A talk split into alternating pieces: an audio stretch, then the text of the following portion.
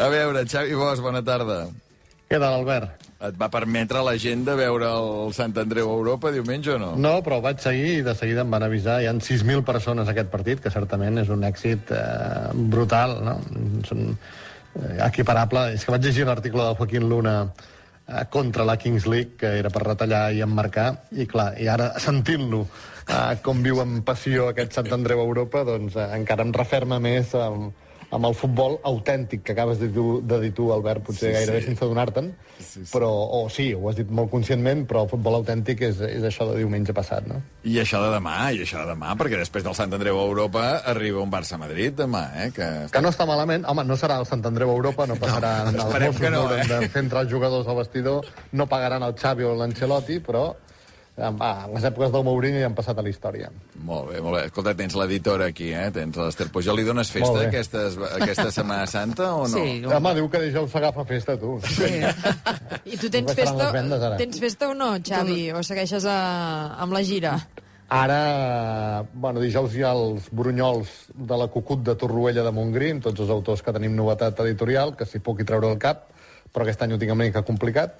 Si puc hi aniré, i si no, ja fins la setmana que ve eh, ja tornem. Eh, serà la primera presentació és a Vic, el dimecres 12. Molt bé. Perfecte. Ha de reposar una mica, de reposar una mica. A reposar una mica. Penseu que no hi, ha, no hi ha poble o no hi ha llibreria que em vingui gent de dir ho he sabut per l'Islàndia. És a dir, que el, el, la informació de serveis, el, el teletext que em feu de promoció em va molt bé. L'agenda de 32 de març, les presentacions. Oh, és que si no, ens, si no ens ho demanes tu, llavors ens renya l'editora, eh? Vull dir que, escolta, Ah, si no va per un cantó, va per l'altre. Bé, eh, doncs a veure, avui, per tant, eh, dones 10, l'una d'aquí una estona, abans, com sempre, el dimarts comencem amb el m'ha agradat, no m'ha agradat. M'ha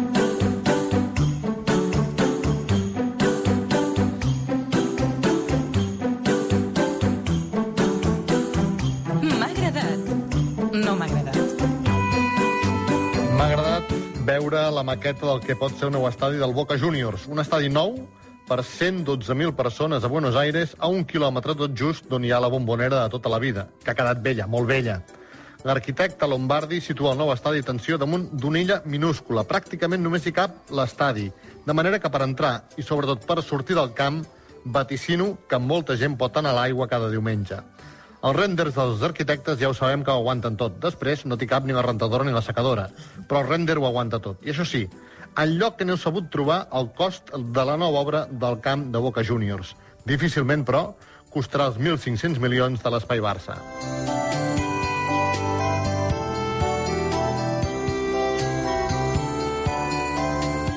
No m'ha agradat que de cop i volta la intel·ligència artificial hagi entrat a les nostres vides d'una manera tan ràpida i contundent.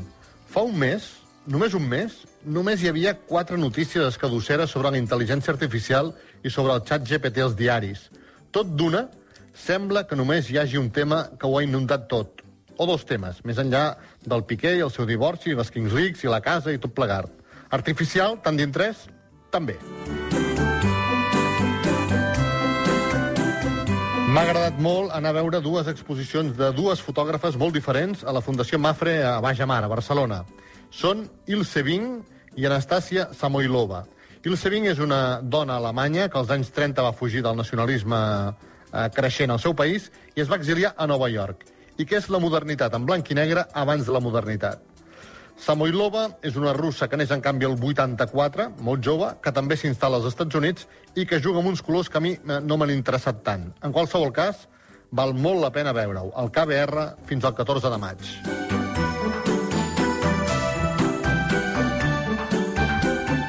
No m'ha agradat avui posar un moment la BBC News i que parlessin de Catalunya en la pitjor sequera en dècades, a la BBC. Aquest era el titular.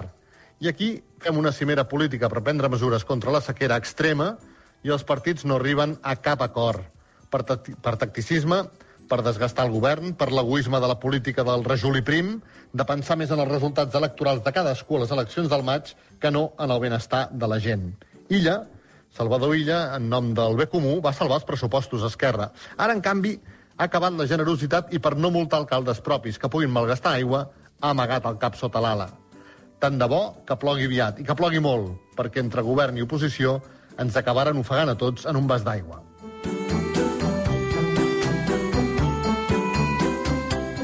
M'ha agradat que a París hagin fet un referèndum sobre el lloguer dels patinets a la ciutat. I m'ha agradat encara més que hagi guanyat el no. Sobre els patinets particulars, de moment, encara no s'ha votat. M'agradaria que a Catalunya féssim referèndums similars i que aquests sí fossin vinculants.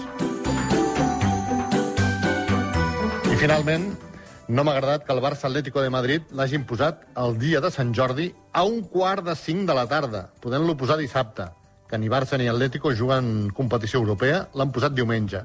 Podent-lo posar a les 9 de la nit, com la majoria de partits del Camp Nou, 9 de 13, aquest l'han posat a un quart de 5. Segur que no ho han fet per fotre, sinó perquè cadascú va a la seva. Però és un greuge pel Barça, pel sector del llibre, que s'hauria de mirar de reconduir d'alguna manera. Igual que el partit de demà contra el Madrid. Primer es va fixar per les 10 de la nit i al cap d'uns dies es va fer marxa enrere, també amb el partit del dia de Sant Jordi trobo que es podria trobar una altra solució d'horari. El Barça em consta que avui ja s'ha mogut i bé pel canvi d'horari. És clar que si li hem de demanar un favor a Tebas, no en tindrà ni cap ganes ni cap interès. És el que té, pensar les coses de Tebas a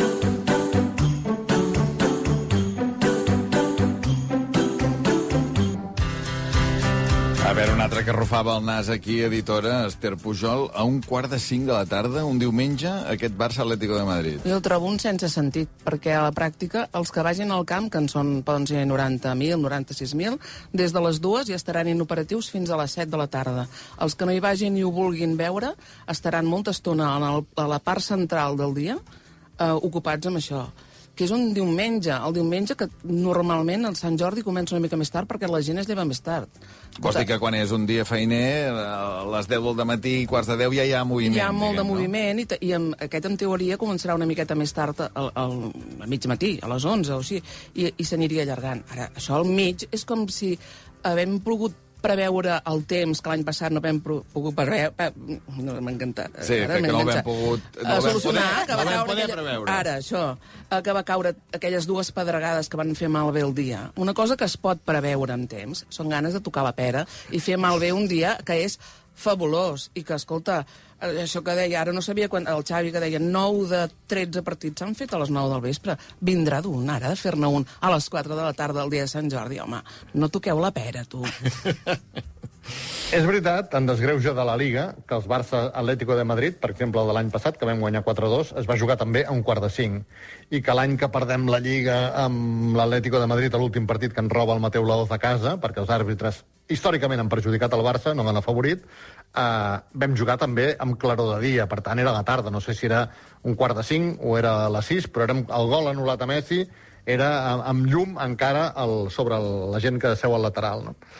Per tant, eh, ells han anat a la seva i miren que aquest partit es pugui veure els que se'n van a dormir tard a Àsia i els que s'aixequen molt d'hora a Buenos Aires. Però si ho demanem, i crec que el Barça ja ha fet avui la gestió, ens haurien de fer... ens haurien d'atendre les pregàries, per dir-m'ho en termes de, de Truman Capote. Perquè la millor hora seria a les 9 de la nit o fins i tot... De, eh, Dissabte. Bueno, a, a millor hora seria jugar dissabte, a l'hora que volguessin, perquè Barça i Atlético aquella setmana no venen de competició europea perquè tots dos estem fora, estem eliminats. Per tant, mm, bueno, ho han posat de diumenge, doncs que ho posin a les 9 del vespre. Hem jugat altres partits de Sant Jordi, com el dia que vam guanyar a Camp del Madrid, no? per Sant Jordi el, el 2017, devia ser, amb el gol de Messi a l'última hora. Però fora de casa, a les 9 de la nit, no fa mal. A casa, a un quart de 5, perquè per afegir una cosa de les que ha dit l'Ester, quan el Sant Jordi és un diumenge, pel que m'han dit els llibreters durant aquesta setmana, la gent a l'hora de dinar se'n va a casa. I per tant són dues hores fluixes de dues a quatre. Quan és un Sant Jordi en laborable, en feiner, la gent de dues a quatre surt de la feina i aprofita aquelles hores per comprar al migdia. Per tant, si hi ha de dues a quatre serà fluix i després hi ha un milió de persones, que és el que veuen normalment de mitjana un Barça Atlético de Madrid per televisió, eh, com deia l'Ester, fins a quarts de set tothom estarà tothom, molta gent estarà inoperativa. És clar que hi ha gent per tot. És clar que es vendran molts llibres i que la majoria passarà del futbol i d'una lliga que està guanyada. Però, i no estic dient-ho per mi, eh, perquè jo ja tenia coll avall que aquest any no hi podria anar i em perdria un partit al Camp Nou. que Però no és habitual, que no és habitual que et perdis un partit al Camp Nou. No, l'últim va ser el 2010, Ostres! senyor. perquè ja feia l'àgora i van posar unes eleccions um, en diumenge i el Barça-Madrid en dilluns. El 5 dia a del 0 et vas perdre, clar, és veritat. Ara recordo És que el, el Polònia, em sembla, no, o el Cracòvia, crec que em va fer un gag i tot, de, de, de com Sí, d'enfadat sí. n'estaves tu eh, perquè no t'havien deixat veure el partit per culpa de les eleccions. És veritat. Tampoc caldria anar-ho a buscar ara al YouTube, eh? No cal recuperar-ho. És que ho vam recuperar amb l'Eloi, amb l'Eloi Vila, que ens eh, l'hem tornat a veure els divendres, això ens Molt toca, bé. ens toca. Va, uh, 7 i 17, eh, tenim pendents els vaticinis d'aquesta setmana. Borges us ofereix aquest espai. Sobre de vaticinis que ens va deixar el Xavi Bosch dimarts de la setmana passada a un quart de dues del migdia per obrir aquest dimarts, que és el que fem ara mateix. Aquí dins hi ha vuit vaticinis, dos han de valer dos punts per anar fins a 10 en cas que els endevinés tots. Comencem, vaticinis esportius. Lewandowski juga al camp de l'Elx i marca pel cap baix un gol. Feia quatre partits que Lewandowski no sucava, pel cap baix, eh? En va fer un? No, en va fer dos. En va fer dos. Sí, senyor. doncs t'estrenes tu amb un, un de un. Segon vaticini, val un punt. Eurocopa de seleccions. Espanya juga a Escòcia i no hi guanya. Feia nou anys que Espanya no perdia un partit de classificació per l'Eurocopa. Sense cap jugador del Barcelona titular, va jugar a Escòcia i va perdre per 2 a 0. Per tant, no hi va guanyar. Escolta'm, dos de dos. Quina Dos de dos. ratxa, tu. Tercer vaticini, també val un punt. Lliga, el derbi català entre el Girona i l'Espanyol és una variant a la travessa. Això vol dir una X o un 2, o que empaten o que guanyava l'Espanyol. Minut 88, empat, 1 a 1. Penat justet a favor del Girona, xuta Estuani, marca, m'he quedat sense punt. L'Espanyol tampoc. Dos de tres. Dos de tres, eh, quart i últim vaticini esportiu, val dos punts. Champions femenina, el Barça ja és a semifinals. Va golejar fàcil, fàcil, fàcil, 5 a 1 a la Roma, per tant, per cinquè any consecutiu, elles sí, elles sí, som a semifinals de la Champions. I dos puntets que t'emportes, 4 de 5. 4 de 5, home, està ben encarat, això, eh? Sí, pinta molt Sí. bé, ja d'aquí un puntet més no i ja res, tens l'aprovat. Sí, exacte, exacte. A veure, anem a política. Epígraf, política. Cinquè vaticini val un punt.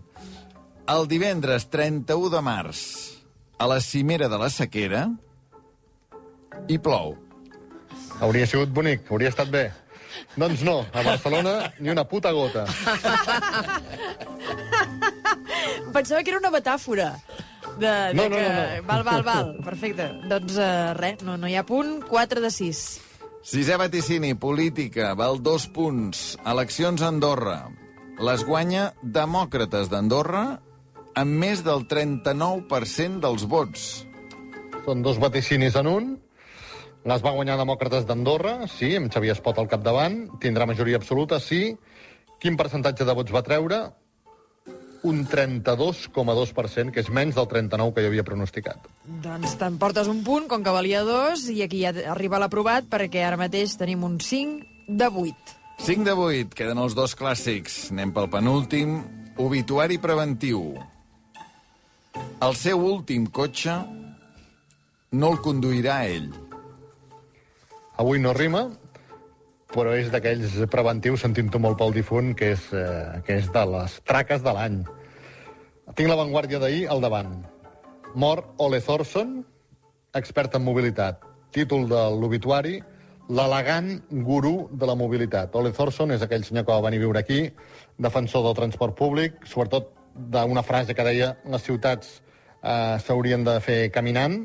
Ell apostava per això, transport públic, anar a peu, fora els cotxes, el recordareu segurament, uns ulls blaus molt bonics, tant, Sí, sí, barba, corbateta d'allà, sempre, no? Sí, sí. sempre contra els cotxes, i el seu últim cotxe no el conduirà ell, que és el que deia, no? Escolta, jo el trobo, vaja, impecable. No, no, impecable, impecable. Ah, vale, vale. a més a més, que suposo que tu també el havies entrevistat. Jo crec que tots el havíem Mm. entrevistat, no? Diré que jo no, jo no el coneixia personalment, no. Doncs sí, sí, jo crec que a l'hora del pati segur que l'havia tingut aquí. Sempre era de les primeres persones que va parlar de, de mobilitat des d'aquesta Sí, sí, sí. perspectiva, diguem. Sí, sí. Sostenible, sí, sí, totalment. sí, sí. Un punt Descansi en pau. amb aquest obituari preventiu, 6 de 9. 6 de 9, vuitè i últim vaticini. Joan Carles de Borbó continua sent rei emèrit. Ho continua sent, i he de dir, eh, Albert, que la gira del 32 de març, en l'última setmana m'ha passat, i m'ho he apuntat, a Sabadell, a Tarragona i a Manresa que tres persones diferents, tres dones concretament, m'han dit com m'agradarà el dia que fallis l'últim vaticini. No, no, realment, la gent té una fixació amb aquest home, eh? I tu guanyes un punt, i com a notari de l'actualitat ens fas saber això, diguem, no? Ah, exacte. Que Aquests comentaris. Amb la reina d'Anglaterra no em va passar mai durant 5 anys. I amb aquest home, tu, tothom s'hi atreveix. Ai, 7 de 10 acabes amb aquest sobre, amb la presència de l'editora, del Joaquim Luna, de la Carol Saliner, Sí, meravellós. T'han portat sort, t'han portat sort. Xavi, bona Setmana Santa. Igualment, que descanseu. Que vagi bé.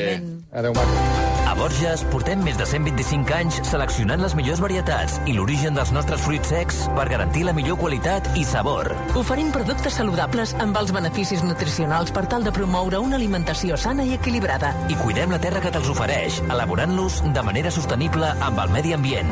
Borges, l'expert en fruits secs.